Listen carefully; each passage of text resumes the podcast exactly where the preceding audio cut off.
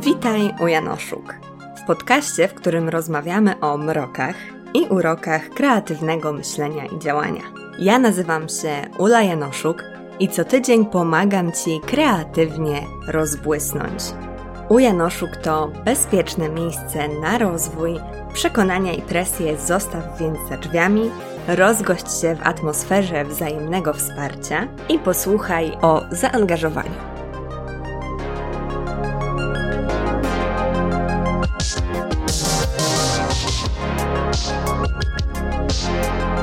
Dzień dobry, dzień dobry. Long time no see, a może raczej long time no here, bo tym odcinkiem kończę najdłuższą w historii przerwę w nagrywaniu podcastu. Nie było mnie prawie trzy miesiące i kiedy sprawdziłam datę ostatniego odcinka, to sama się zdziwiłam, także serdecznie Was za to przepraszam. Szczególnie tych i te z Was, które zauważyli, że mnie tutaj nie ma, bo wiem, że tacy takie są i bardzo mi miło, że o mnie pamiętacie. Mm, w dzisiejszym odcinku chciałabym po pierwsze trochę podsumować zeszły rok, ale tym razem nie w takiej formie, co mi nie wyszło czy wyszło. Takie odcinki nagrywałam w poprzednich latach i możecie je sobie śmiało odtworzyć. Natomiast dzisiaj chciałabym opowiedzieć Wam trochę o odkryciach zeszłego roku, bo mam wrażenie, że był to rok pełen odkryć. W ten sposób też e, wyjaśnię Wam, dlaczego ta przerwa i co się u mnie działo i dlaczego tak to wyglądało. Natomiast takim głównym tematem dzisiejszego odcinka, mówiącym też o tej przyczynie, jest temat tego, czy tworzę, tworzymy dla siebie czy dla innych. Bo jest to temat, który sądzę, że przewijał się wielokrotnie gdzieś tak podskórnie w moich pozostałych odcinkach, ale nigdy nie zaadresowałam go bezpośrednio. I zacznijmy od tego najcięższego kalibru, od tego największego odkrycia, które doprowadziło do tej przerwy, którą miałam w ostatnich miesiącach 2022 roku, czyli odkryciu, że nie jestem dla siebie ważna i że to, co robię, robię dla innych. I kurde, to powiem Wam, że był chyba największy, chociaż hardkorów na terapii, którą rozpoczęłam na początku czerwca 2022 roku nie brakowało, tak zdanie sobie sprawy, że sama nie jestem dla siebie ważna, było chyba najbardziej uderzające, jak patrzę na to z perspektywy i wyjaśniało najwięcej rzeczy, które się w moim życiu pojawiały. W ogóle ten taki czas, szczególnie jesieni zeszłego roku, on był dla mnie taki, kurde, to był chyba jeden z najbardziej takich kryzysowo trudnych momentów w moim życiu. Mimo tego, że w tym roku przeżyłam straszne rzeczy, o których jeszcze opowiem za chwilkę, kiedy będę opowiadać o innych odkryciach. Ale rzeczywiście wyglądało to tak, że ja bardzo mocno jesienią podupadłam na zdrowiu. E, byłam, trzy tygodnie chorowałam na coś tam związanego z moimi drogami oddechowymi. Ostatecznie musiałam wejść na antybiotyk. Po antybiotyku jeszcze dosyć długo kaszlałam. E, po tym, kiedy kaszlałam, dołączyła mi się rwa kulszowa. E, kurde, jeżeli nie mieliście problemów z neurobulami, to naprawdę życzę Wam, żebyście nigdy nie zaznali tego bólu.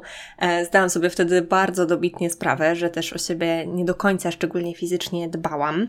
Przynajmniej tam od pewnego momentu, od kontuzji, która zabroniła mi, e, czy utrudniła mi może tak, e, jeżdżenie na wrotkach, więc kiedy wróciłam na wrotki i, i dosłownie za pierwszym razem, podczas pierwszego treningu czy pierwszej sesji wrotkarskiej e, dorobiłam się tej rwy kulszowej, no to myślałam, że padnę. Dodatkowo jeszcze kaszlałam, więc to kaszlanie sprawiało, że te plecy to po prostu bolały mi niemiłosiernie. No ale te fizyczne, różnego rodzaju trudności, objawy, wydarzenia, one się też połączyły z takim czasem w moim życiu, kiedy ja czułam się jak porozkładany na kawałki zestaw klocków Lego. E, bardzo często właśnie mówiłam moim bliskim, że czuję się jak rozłożone klocki Lego. E, I bardzo długo czułam się jak właśnie taki zestaw, zestaw Lego rakieta donikąd, który nagle ktoś właśnie porozkładał, pytając e, dlaczego, skąd to, po co to. Mm, I, i to jest kurczę strasznie trudny moment w terapii i taki kurde moment, którego ja się nie spodziewałam.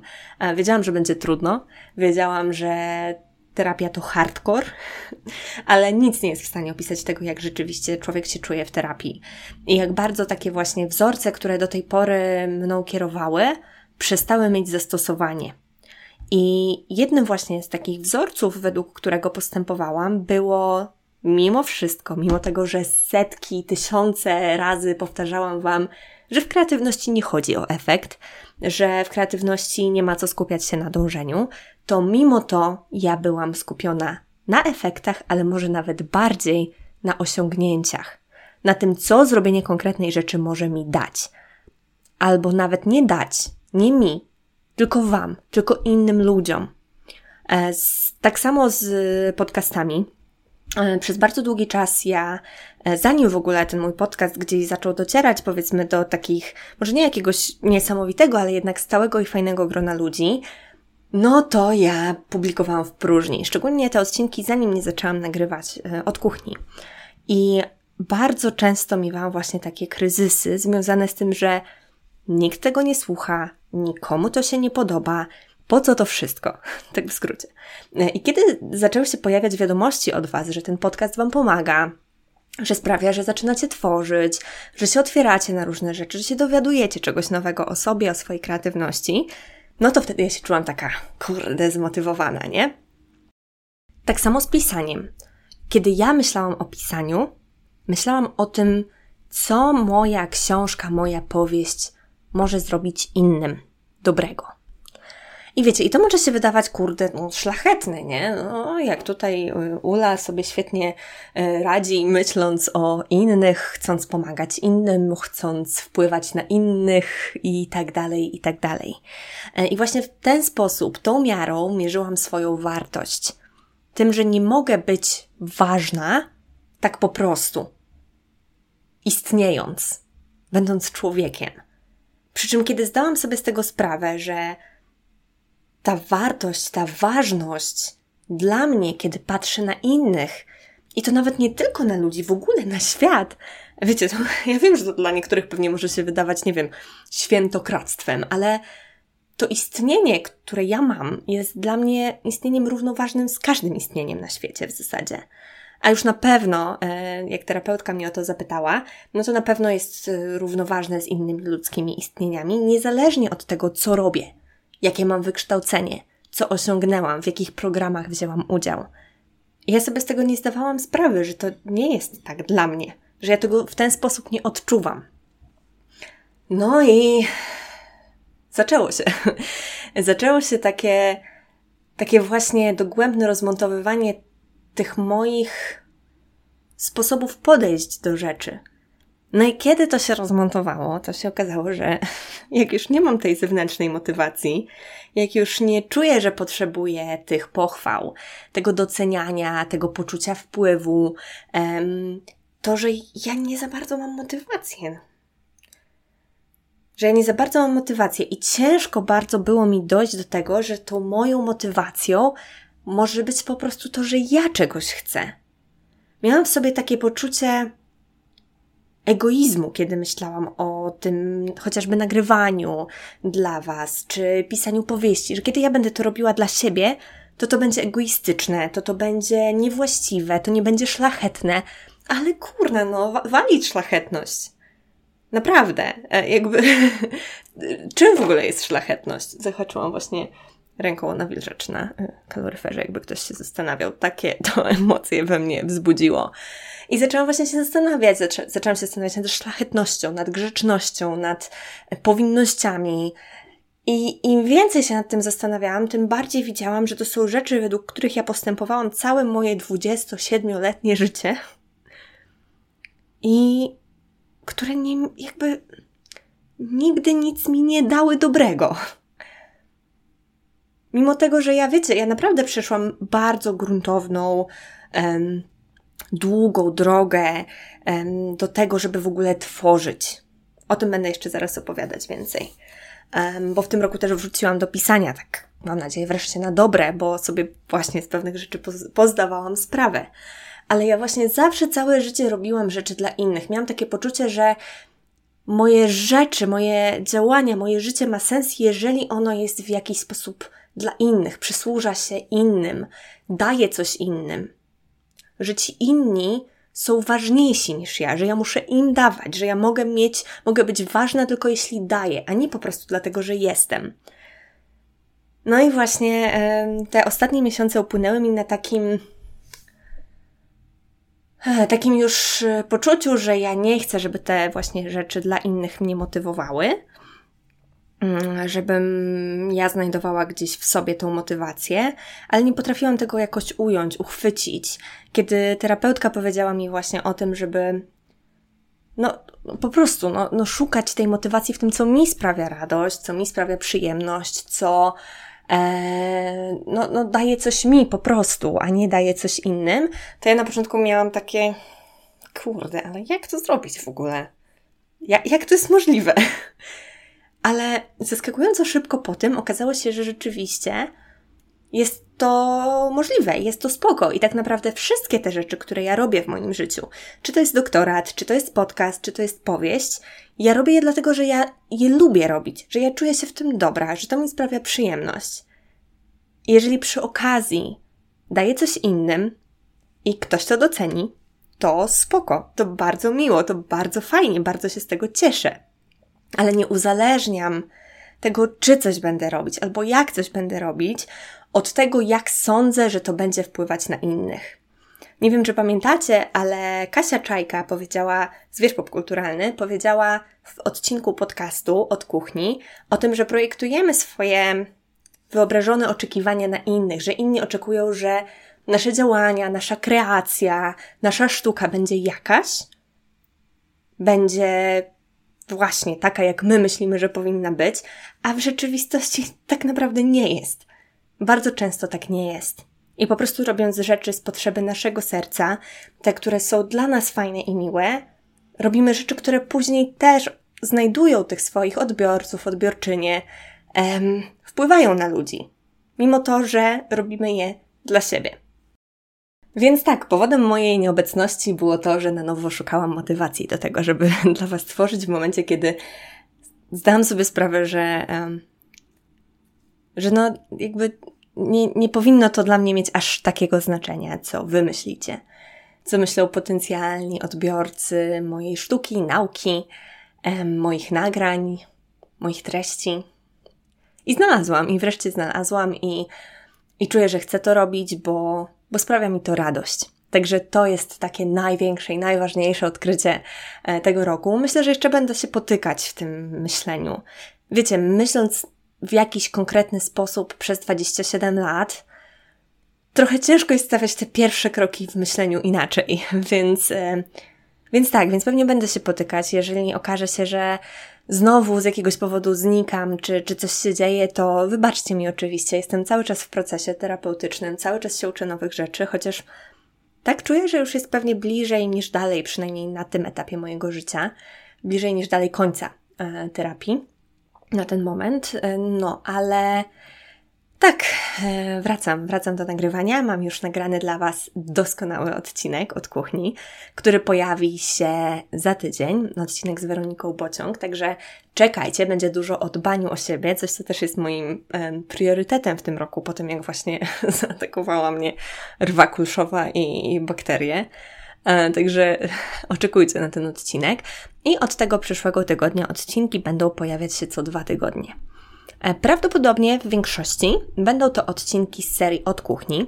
Zastanawiam się też nad odcinkami z innymi osobami, ale z, właśnie ze specjalistami, specjalistkami w różnych dziedzinach, mm, którzy, które mogą nam opowiedzieć o kreatywności z różnych perspektyw. Myślałam chociażby o wysokiej wrażliwości, o której będzie też zaraz, o ajurwedzie być może. Mm, dajcie znać, czy są jakieś takie rzeczy, które Was interesują od tej strony nie twórczej, ale takiej powiedzmy wiedzowej. E, będę wdzięczna za Wasz sygnał, czy to jest kierunek, który y, też jest dla Was spoko. Natomiast pewnie, pewnie spróbuję.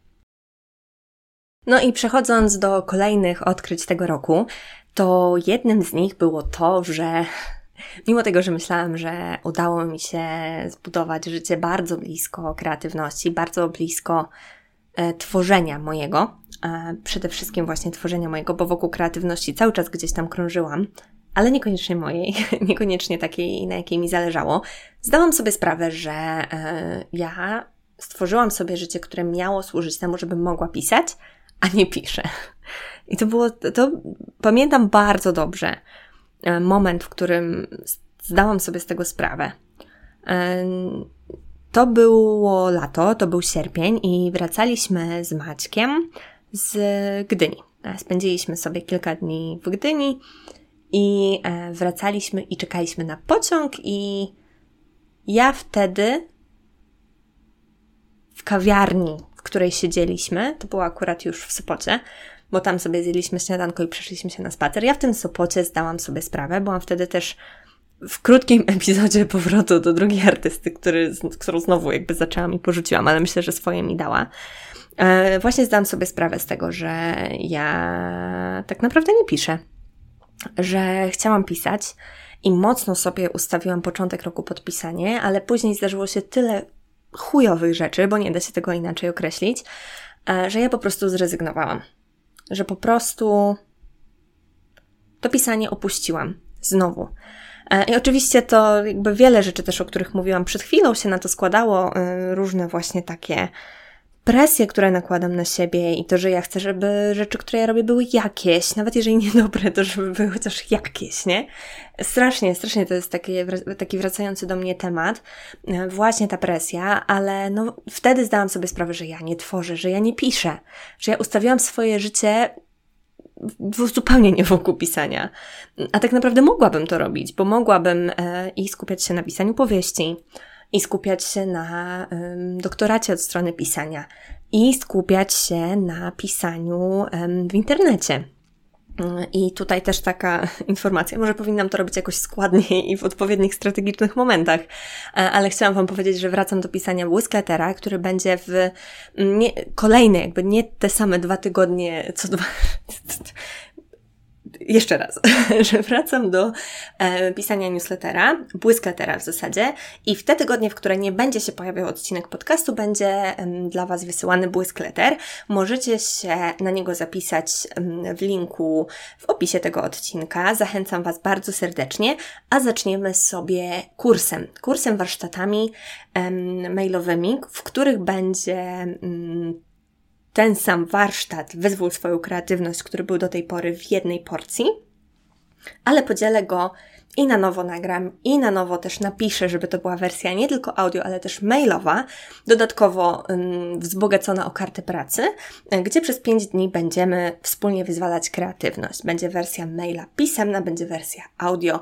Um, no i um, w te właśnie tygodnie, kiedy nie będzie ukazywał się podcast, będę wysyłać do Was takie listy.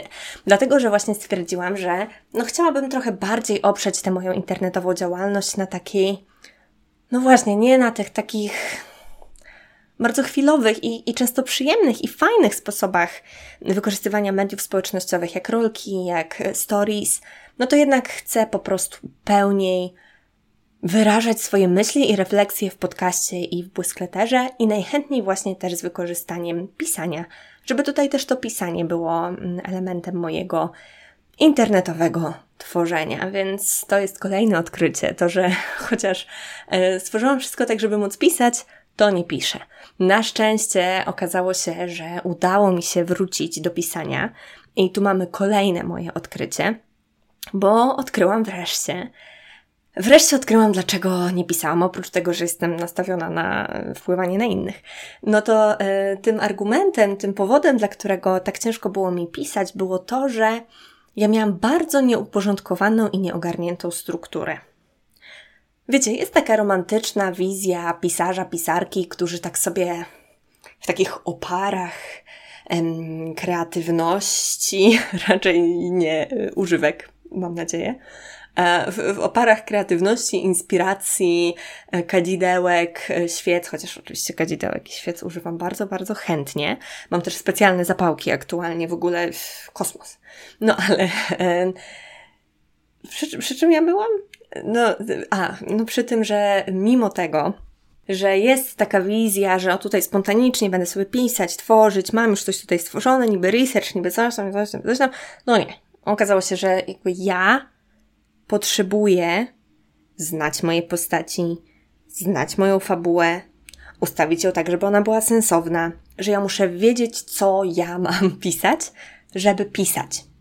I kiedy z książką Jak napisać powieść e, Tomasza Węcki, Węckiego, podlinkuję Wam w każdym razie na stronie odcinka, do którego link w opisie, zaczęłam sobie e, ogarniać tą moją powieść pod kątem motywów, postaci, struktury, trochę zmodyfikowanej struktury trzyaktowej.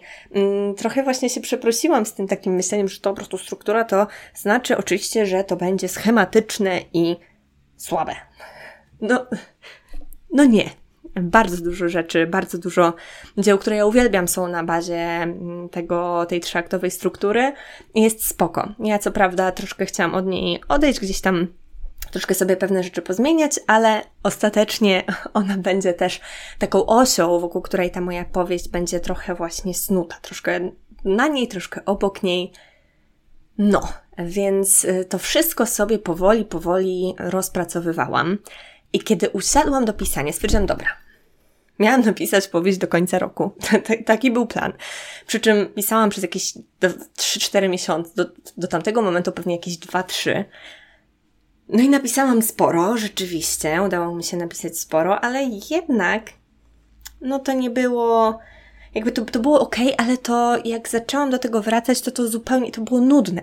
To, to, to, to strukturalnie było słabe, leżało po prostu. I postanowiłam wziąć udział w wyzwaniu, które nazywa się, jest bardzo popularne na zagranicznym YouTubie, tak zwanym AutorTubie. Mm, w Polsce propaguje to wyzwanie, popularyzuje je Natalia Brożek, autorka książki Nie chcę być tobą e, i też kilku innych, które będzie w przyszłości publikowała. No i stwierdziłam, dobra, 50 tysięcy słów w miesiąc.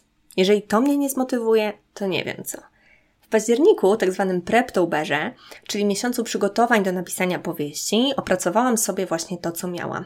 Bo ja miałam już bohaterki, bohaterów, miejsca akcji, e, w zasadzie przemiany postaci też, tylko tak nie do końca nazwane, motywy, ja to wszystko miałam, tylko wszystko było, wiecie, gdzieś tam tak jak to u mnie bywa, gdzieś tam tak, tak zawieszone gdzieś w, w, w tej całej gigantycznej przestrzeni, jaką jest moja głowa. I kiedy zaczęłam to zbierać, to okazało się, że dużo rzeczy już mam, ale właśnie dużo rzeczy mm, tak zebranych w jedno miejsce e, pozwoliło mi e, zrozumieć, o czym jest ta moja powieść i zacząć ją pisać. I w listopadzie, co prawda korzystając też z tych treści, które napisałam e, na początku roku, ale przenosząc je do flashbacków, do backstory i tak dalej, napisałam 70, prawie 70 tysięcy słów. No przy czym właśnie te pewnie kilkanaście tysięcy słów to były przyklejone rzeczy z mm, poprzedniego szkicu. Więc tak, więc y, udało mi się to wyzwanie przejść. Natomiast wtedy też nastąpił kolejny, y, w zasadzie coś, co ja nazwałam kryzysem, a moja przyjaciółka Kasia nazwała po prostu potrzebą odpoczynku. O tym będzie w kolejnym odcinku podcastu z Weroniką Bociąg troszkę więcej, więc czekajcie, jeżeli ten temat Was interesuje. Właśnie temat y, blokad kontra odpoczynku i, i dbania o siebie i tak dalej. I trudność, oprócz tego, że byłam zmęczona, polegała na tym, że napisałam już w zasadzie to, co gdzieś tam miałam ustalone i ustrukturyzowane. Dlatego od e, grudnia mm, w zasadzie jeszcze bardziej dogłębnie e, opracowuję sobie i fabułę, i postaci, i jestem już w bardzo dobrym momencie. Kupiłam sobie Scrivenera ze zniżką właśnie po NaNoWriMo 50%, więc sobie teraz tworzę. Korzystałam z niego w wersji próbnej do w ogóle pisania tekstu do kalendarzu papierniczonych. Ten tekst znajdziecie we wszystkich kalendarzach papierniczonych na 2023 rok, więc jeżeli jakimś cudem kalendarza jeszcze nie macie, a chcecie móc zajrzeć każdego dnia, być może, e, albo raz na jakiś czas do wskazówek, kilku słów o kreatywności, które dla nich napisałam, to serdecznie zachęcam raz jeszcze. No i, no i co? No i odkryłam, że muszę wiedzieć, co mam robić, e, co mam pisać, muszę mieć tą strukturę, muszę mieć to rozkminione, że ja nie jestem taką, poza tym też te moje powieści, moja powieść ta aktualna e, i prawdopodobnie kolejne, one nie są takie proste, że dzieje się kilka rzeczy i koniec. Moja powieść jest powieścią o dorastaniu, która rozgrywa się na przełomie czterech lat e, w dwóch miejscach geograficznie, w zasadzie w dwóch albo nawet więcej, trzech czy czterech planach czasowych, które oczywiście są w backstory, jakby fabuła akurat jest taka jednoliniowa, powiedzmy, ale bardzo dużo jest odniesień, więc ja y, nie, nie piszę takich powieści, które łatwo jest zamknąć w, nie wiem, był taki, zrobił to, bo myślał, że tak jest spoko, ale okazało się, że tak nie jest spoko, więc zrobił inaczej i okazało się, że to było spoko. Czyli taki y, generalnie y, schemat właśnie, jak wygląda ta struktura. E, tak bardzo oględnie mówiąc. Także mm, po prostu wiem, że jeżeli chcę coś napisać, to muszę wiedzieć co. I jak sobie myślę o różnych rzeczach, które dotychczas tworzyłam, to rzeczywiście tak jest. Ja jestem osobą, która w tym właśnie żargonie autortubowym nazywana jest plotter, czyli właśnie od plot, od, y, jak to się mówi, fabuła? No. Ja jestem e, ploterką. E, no. E, I, I tego potrzebuję, po prostu. No i co dalej? Jakie mam kolejne odkrycia z tego roku? O, na pewno to, że e, nauczyłam się, dowiedziałam się o sobie tego, że jestem dobra w badaniu, ale w takim badaniu jak, rozumianym jako rozmawianiu. Bo oprócz tego, że uwielbiam prowadzić rozmowy tutaj w podcaście, no to dodatkowo zaczęłam prowadzić badania terenowe. Mój promotor jest antropologiem, oprócz tego, że jest kulturoznawcą. Wcześniej moją promotorką była kulturoznawczyni, którą właśnie zmieniłam na kulturoznawcę, antropologa. No i to y, wiązało się z włączeniem nowych metod do badania. Bo w kulturoznawstwie głównie się coś tam czyta i, i, i się na podstawie coś ogląda i na podstawie tego generuje y, teksty. No a w antropologii bardzo ważny jest kontakt z drugim człowiekiem. I takie rzeczywiste wyjście poza tę bibliotekę do, do, do ludzi. I okazało się, że ja to uwielbiam. Okazało się, że ja uwielbiam kontakt z ludźmi i badanie nie tego, co jest w książkach, co jest na ekranach, co jest w druku, tylko po prostu pisanie o prawdziwych ludziach, o ich procesach, o ich uczuciach, o ich sposobach działania, o ich kreatywności. I w tę stronę właśnie poszedł mój doktorat. I zdałam sobie sprawę, że to jest coś, w czym jestem dobra i coś, co lubię, i coś, co, na co mi pozwala moja wrażliwość. Czyli kolejne odkrycie, o, udało mi się to zrobić bardzo płynnie. Kolejne odkrycie to jest to, że mam wysoką wrażliwość. E, czy jakby to można też alternatywnie powiedzieć, jestem osobą wysoko wrażliwą. Jest to temat dosyć szeroki i nie będę się tutaj um, rozwodzić za mocno. Jeżeli jesteście zainteresowane, zainteresowani, to polecam Wam książkę. Znaczy ja jej nie czytałam, no ale możecie się dowiedzieć o tym z książki. Albo e, z treści właśnie wysoko wrażliwej na Instagramie. Też Wam podlinkuję. Nie jestem pewna, czy dobrze zapamiętałam tę nazwę. Ale szukajcie oczywiście wszystkich linków w, mm, na stronie odcinka, do którego link jest w opisie. No i wysoka wrażliwość. Okazało się, że ja miałam taką intuicję, że być może tak jest, ale nigdy jakoś się nad tym głębiej nie zastanawiałam.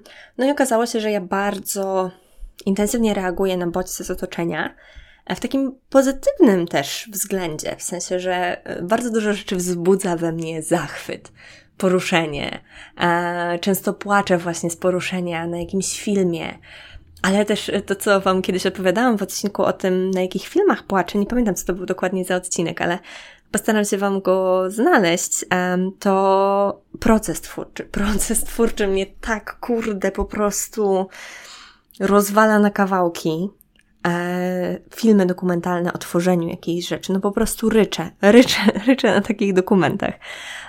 więc oprócz tego, że mam taką wrażliwość na otoczenie, na różne bodźce, która sprawia, że ja potrafię być przytłoczona, jeżeli jest ich za dużo, za dużo naraz, i bez przerwy, no to ja też mam dużą wrażliwość emocjonalną. E, do tego stopnia, że w momencie, kiedy Maciek się przebranżawiał w tym roku, zmieniał pracę, to te półtora miesiąca, kiedy trwała jego rekrutacja, ja przejmowałam po prostu cały jego stres i kiedy dostał pracę, totalnie po prostu mi odbiło. Ja, ja po prostu nie wiedziałam, co się ze mną dzieje. Tak bardzo te emocje, te jego emocje były też moje. Więc dużo, dużo rzeczy właśnie tak zmysłowo, emocjonalnie, e, intensywnie na mnie wpływa. I nauczyłam się tego, że przez to, że tak mam, ja muszę dużo bardziej czule, e, z dużo większą uważnością dbać o siebie i o takie właśnie wyciszenie dlatego też zaczęłam e, leżeć na macie z kolcami, oprócz tego, że świetnie pomaga na rwę kulszową, taka mata do akupresury. No to leżę na kolcach, medytuję. Bardzo mi pomogła medytacja, która się nazywa treningiem autogennym Schulza, który jest takim relaksowaniem konkretnych części ciała, ale w takiej formie mówienia sobie, że coś mi się rozluźnia. Możecie to znaleźć wszędzie na YouTubie, na Spotify. E, ja robię 10-minutowe takie treningi, leżąc na kolcach właśnie. To była taka moja podstawa do której, od której zaczęłam z powrotem dbanie o siebie. E, I dołączałam do tego kolejne rzeczy. I rzeczywiście okazało się, że kiedy ja jestem w takim stanie, takim stanie regularnego dbania o to, to jest mi dużo łatwiej tworzyć. Także i w ogóle dawać siebie, że to, to dobre samopoczucie emocjonalne, które wynika z tego, że ja dbam o takie rozładowanie tego napięcia, odetchnięcie. Też na pewno pomogły mi bardzo spacery z Frajdą, którą adoptowaliśmy, zaraz do tego przejdę, którą adoptowaliśmy w sierpniu po trzech miesiącach, jakieś cztery miesiące nie mieliśmy pieska. O tym zaraz. E, no to, to też e, po prostu mi pomogło. E, takie właśnie, takie odcinanie się, uczenie się tego, żeby się właśnie tak wyciszyć. No i jak już jesteśmy przy pieskach, to też odkrycie, e, którego dokonałam e, w tym roku. Ten czas właśnie od, strasznie mnie wybił ten czas od lutego do kwietnia, a w zasadzie nawet dłużej.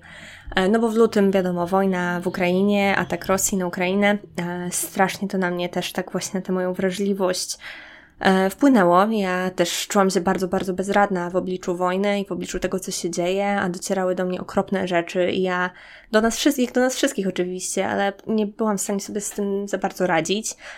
Później e, w kwietniu musieliśmy uśpić Bajera, naszego pieska, e, którego mieliśmy w zasadzie praktycznie równo 4 lata, bo musieliśmy go uśpić jakoś kilka dni po um, adopcinach. E, kwietniowych i marcowych, sorry. Mm, to w zasadzie miesiąc po. E, no, ale tak, mm, no był to bardzo, bardzo trudny czas, który mnie na bardzo długo rozwalił, ale sama ta sytuacja sprawiła, że ja odkryłam, jak dużo jest we mnie siły. Jak dużo jest we mnie siły, jeżeli chodzi o takie po prostu bycie też w takich trudnych sytuacjach, że ja nie miałam wątpliwości co do tego, że ja chcę spędzić z nim ostatni dzień, że ja chcę być przy nim do ostatniej chwili. E, no to, to, to była najtrudniejsza rzecz, jaką ja zrobiłam w moim życiu. Zdecydowanie. Uśpienie psa. Najcięższa rzecz, jaką przeżyłam chyba też. Mm. I współczuję wszystkim z Was, którzy pożegnali, pożegnały swoje pieski. E, więc y, tak, no jakby przechodząc, no, od, odkryłam sobie to, że jestem naprawdę silna w obliczu też bardzo trudnych rzeczy. Natomiast oczywiście to też wybiło mnie bardzo mocno z takiego mojego e, stanu po prostu stabilności. No i niedługo po tym, mm, w zasadzie półtora miesiąca po tym jakoś, zaczęłam terapię, więc też e, powoli zaczęłam gdzieś do siebie wracać, zaczęłam powoli układać te rzeczy, no i też mierzyć się z różnymi innymi rzeczami, które też dały mi do zrozumienia właśnie to, że jestem bardzo silna, że jestem silniejsza niż mi się wydaje. E, I że mimo tego, że przeżyłam w swoim życiu trudne rzeczy, które też mnie ukształtowały w jakiś sposób, często nie najbardziej korzystny, to, to ja jestem, nie? Jestem, jestem dalej tutaj. I e, strasznie mnie ta moja siła w tym roku też e, poruszyła. E, no i żeby nie kończyć na takiej smutnej, czy smutnej, trudnej nucie, e, czy nocie, nie wiem w sumie jak się mówi. No, w każdym razie, żeby nie kończyć smutno, e, to na koniec zostawiłam sobie odkrycie, które jest bardzo, bardzo przyjemnym odkryciem, czyli to, że kocham wrotki. kocham wrotki, kocham ruch. Jeżeli ruch jest w takiej dobrej dla mnie postaci, taką, którą ja lubię, to ja kocham ruch. No i właśnie w tym roku pokochałam wrotki, nauczyłam się na nich bardzo dobrze jeździć. Oczywiście miałam też w międzyczasie kontuzję, która mi zabroniła tego później, utrudniła jeszcze, nie później. I w ogóle utrudniła mi poruszanie się, przekładanie się z boku na bok śpiąc, bo miałam po prostu e, stłuczony łokieć, który gdzieś tam przez dwa miesiące dawał sobie znać. Później też z kolei rwa kulszowa, ale mimo to mm, odkryłam, że kiedy ruch jest taki, że mi sprawia przyjemność, to go lubię. E, a ja przez, musicie wiedzieć, że ja przez większość mojego życia nie byłam wielką fanką i nadal myślę, nie jestem wielką fanką sportów. Natomiast kiedy już sobie znajdę i kiedy uda mi się ruszyć wreszcie z domu, no to wielką przyjemność sprawiają mi wrotki. Wrotki sprawiają, że ja czuję, że żyję. No i co? I będę już kończyć ten y, odcinek. Myślę, że dosyć osobisty wyszedł. Dużo ważnych, fajnych, ciekawych rzeczy odkryłam w 2022 roku. Myślę też, że takich, które dadzą mi świadomość i wpłyną bardzo gruntownie na to, jak na pewno, na pewno tak będzie, e, wpłyną na resztę mojego życia. Przede wszystkim dlatego, że też przerobiłam masę rzeczy właśnie w terapii. No i, i tak, i życzę sobie tego, żeby, żeby dalej czuć się tak dobrze, jak czuję się dzisiaj z tymi rzeczami, które robię, żeby dalej właśnie mieć do nich serce i by wystarczało mi to, że po prostu chcę je robić. Żebym nie szukała i nie rozkminiała za dużo, tak jak ja to potrafię po prostu bezbłędnie, perfekcyjnie robić, e, szukać dziury w całym i rozkminiać, e, tylko żebym po prostu robiła to, co chcę. I Wam też tego życzę. I jestem bardzo ciekawa Waszych odkryć na ten, z tego 2022 roku. Z czym wchodzicie w 2023 rok? Śmiało piszcie do mnie albo na maila, albo na Instagramie. Zaraz oczywiście wleci, wjedzie formułka kończąca ten podcast, więc tam macie wszystkie dane. E, cieszę się bardzo, że do Was wracam i naprawdę bardzo głęboko porusza mnie to, że nadal mam do kogo wracać i że tu na mnie czekacie. Więc dzięki, że jesteście. I to tyle na dziś. Zanim opuścisz naszą kreatywną krainę, koniecznie daj znać, która z myśli była dla Ciebie najbardziej błyskotliwa. Podziel się nią na Instagramie i oznacz profil u podkreślnik Janoszuk lub napisz w komentarzu pod wpisem do odcinka na www.umyślnikjanoszuk.pl. Tam znajdziesz też wszystkie odnośniki i notatki do odcinka. Do usłyszenia za tydzień, a tymczasem niech błysk będzie z Tobą.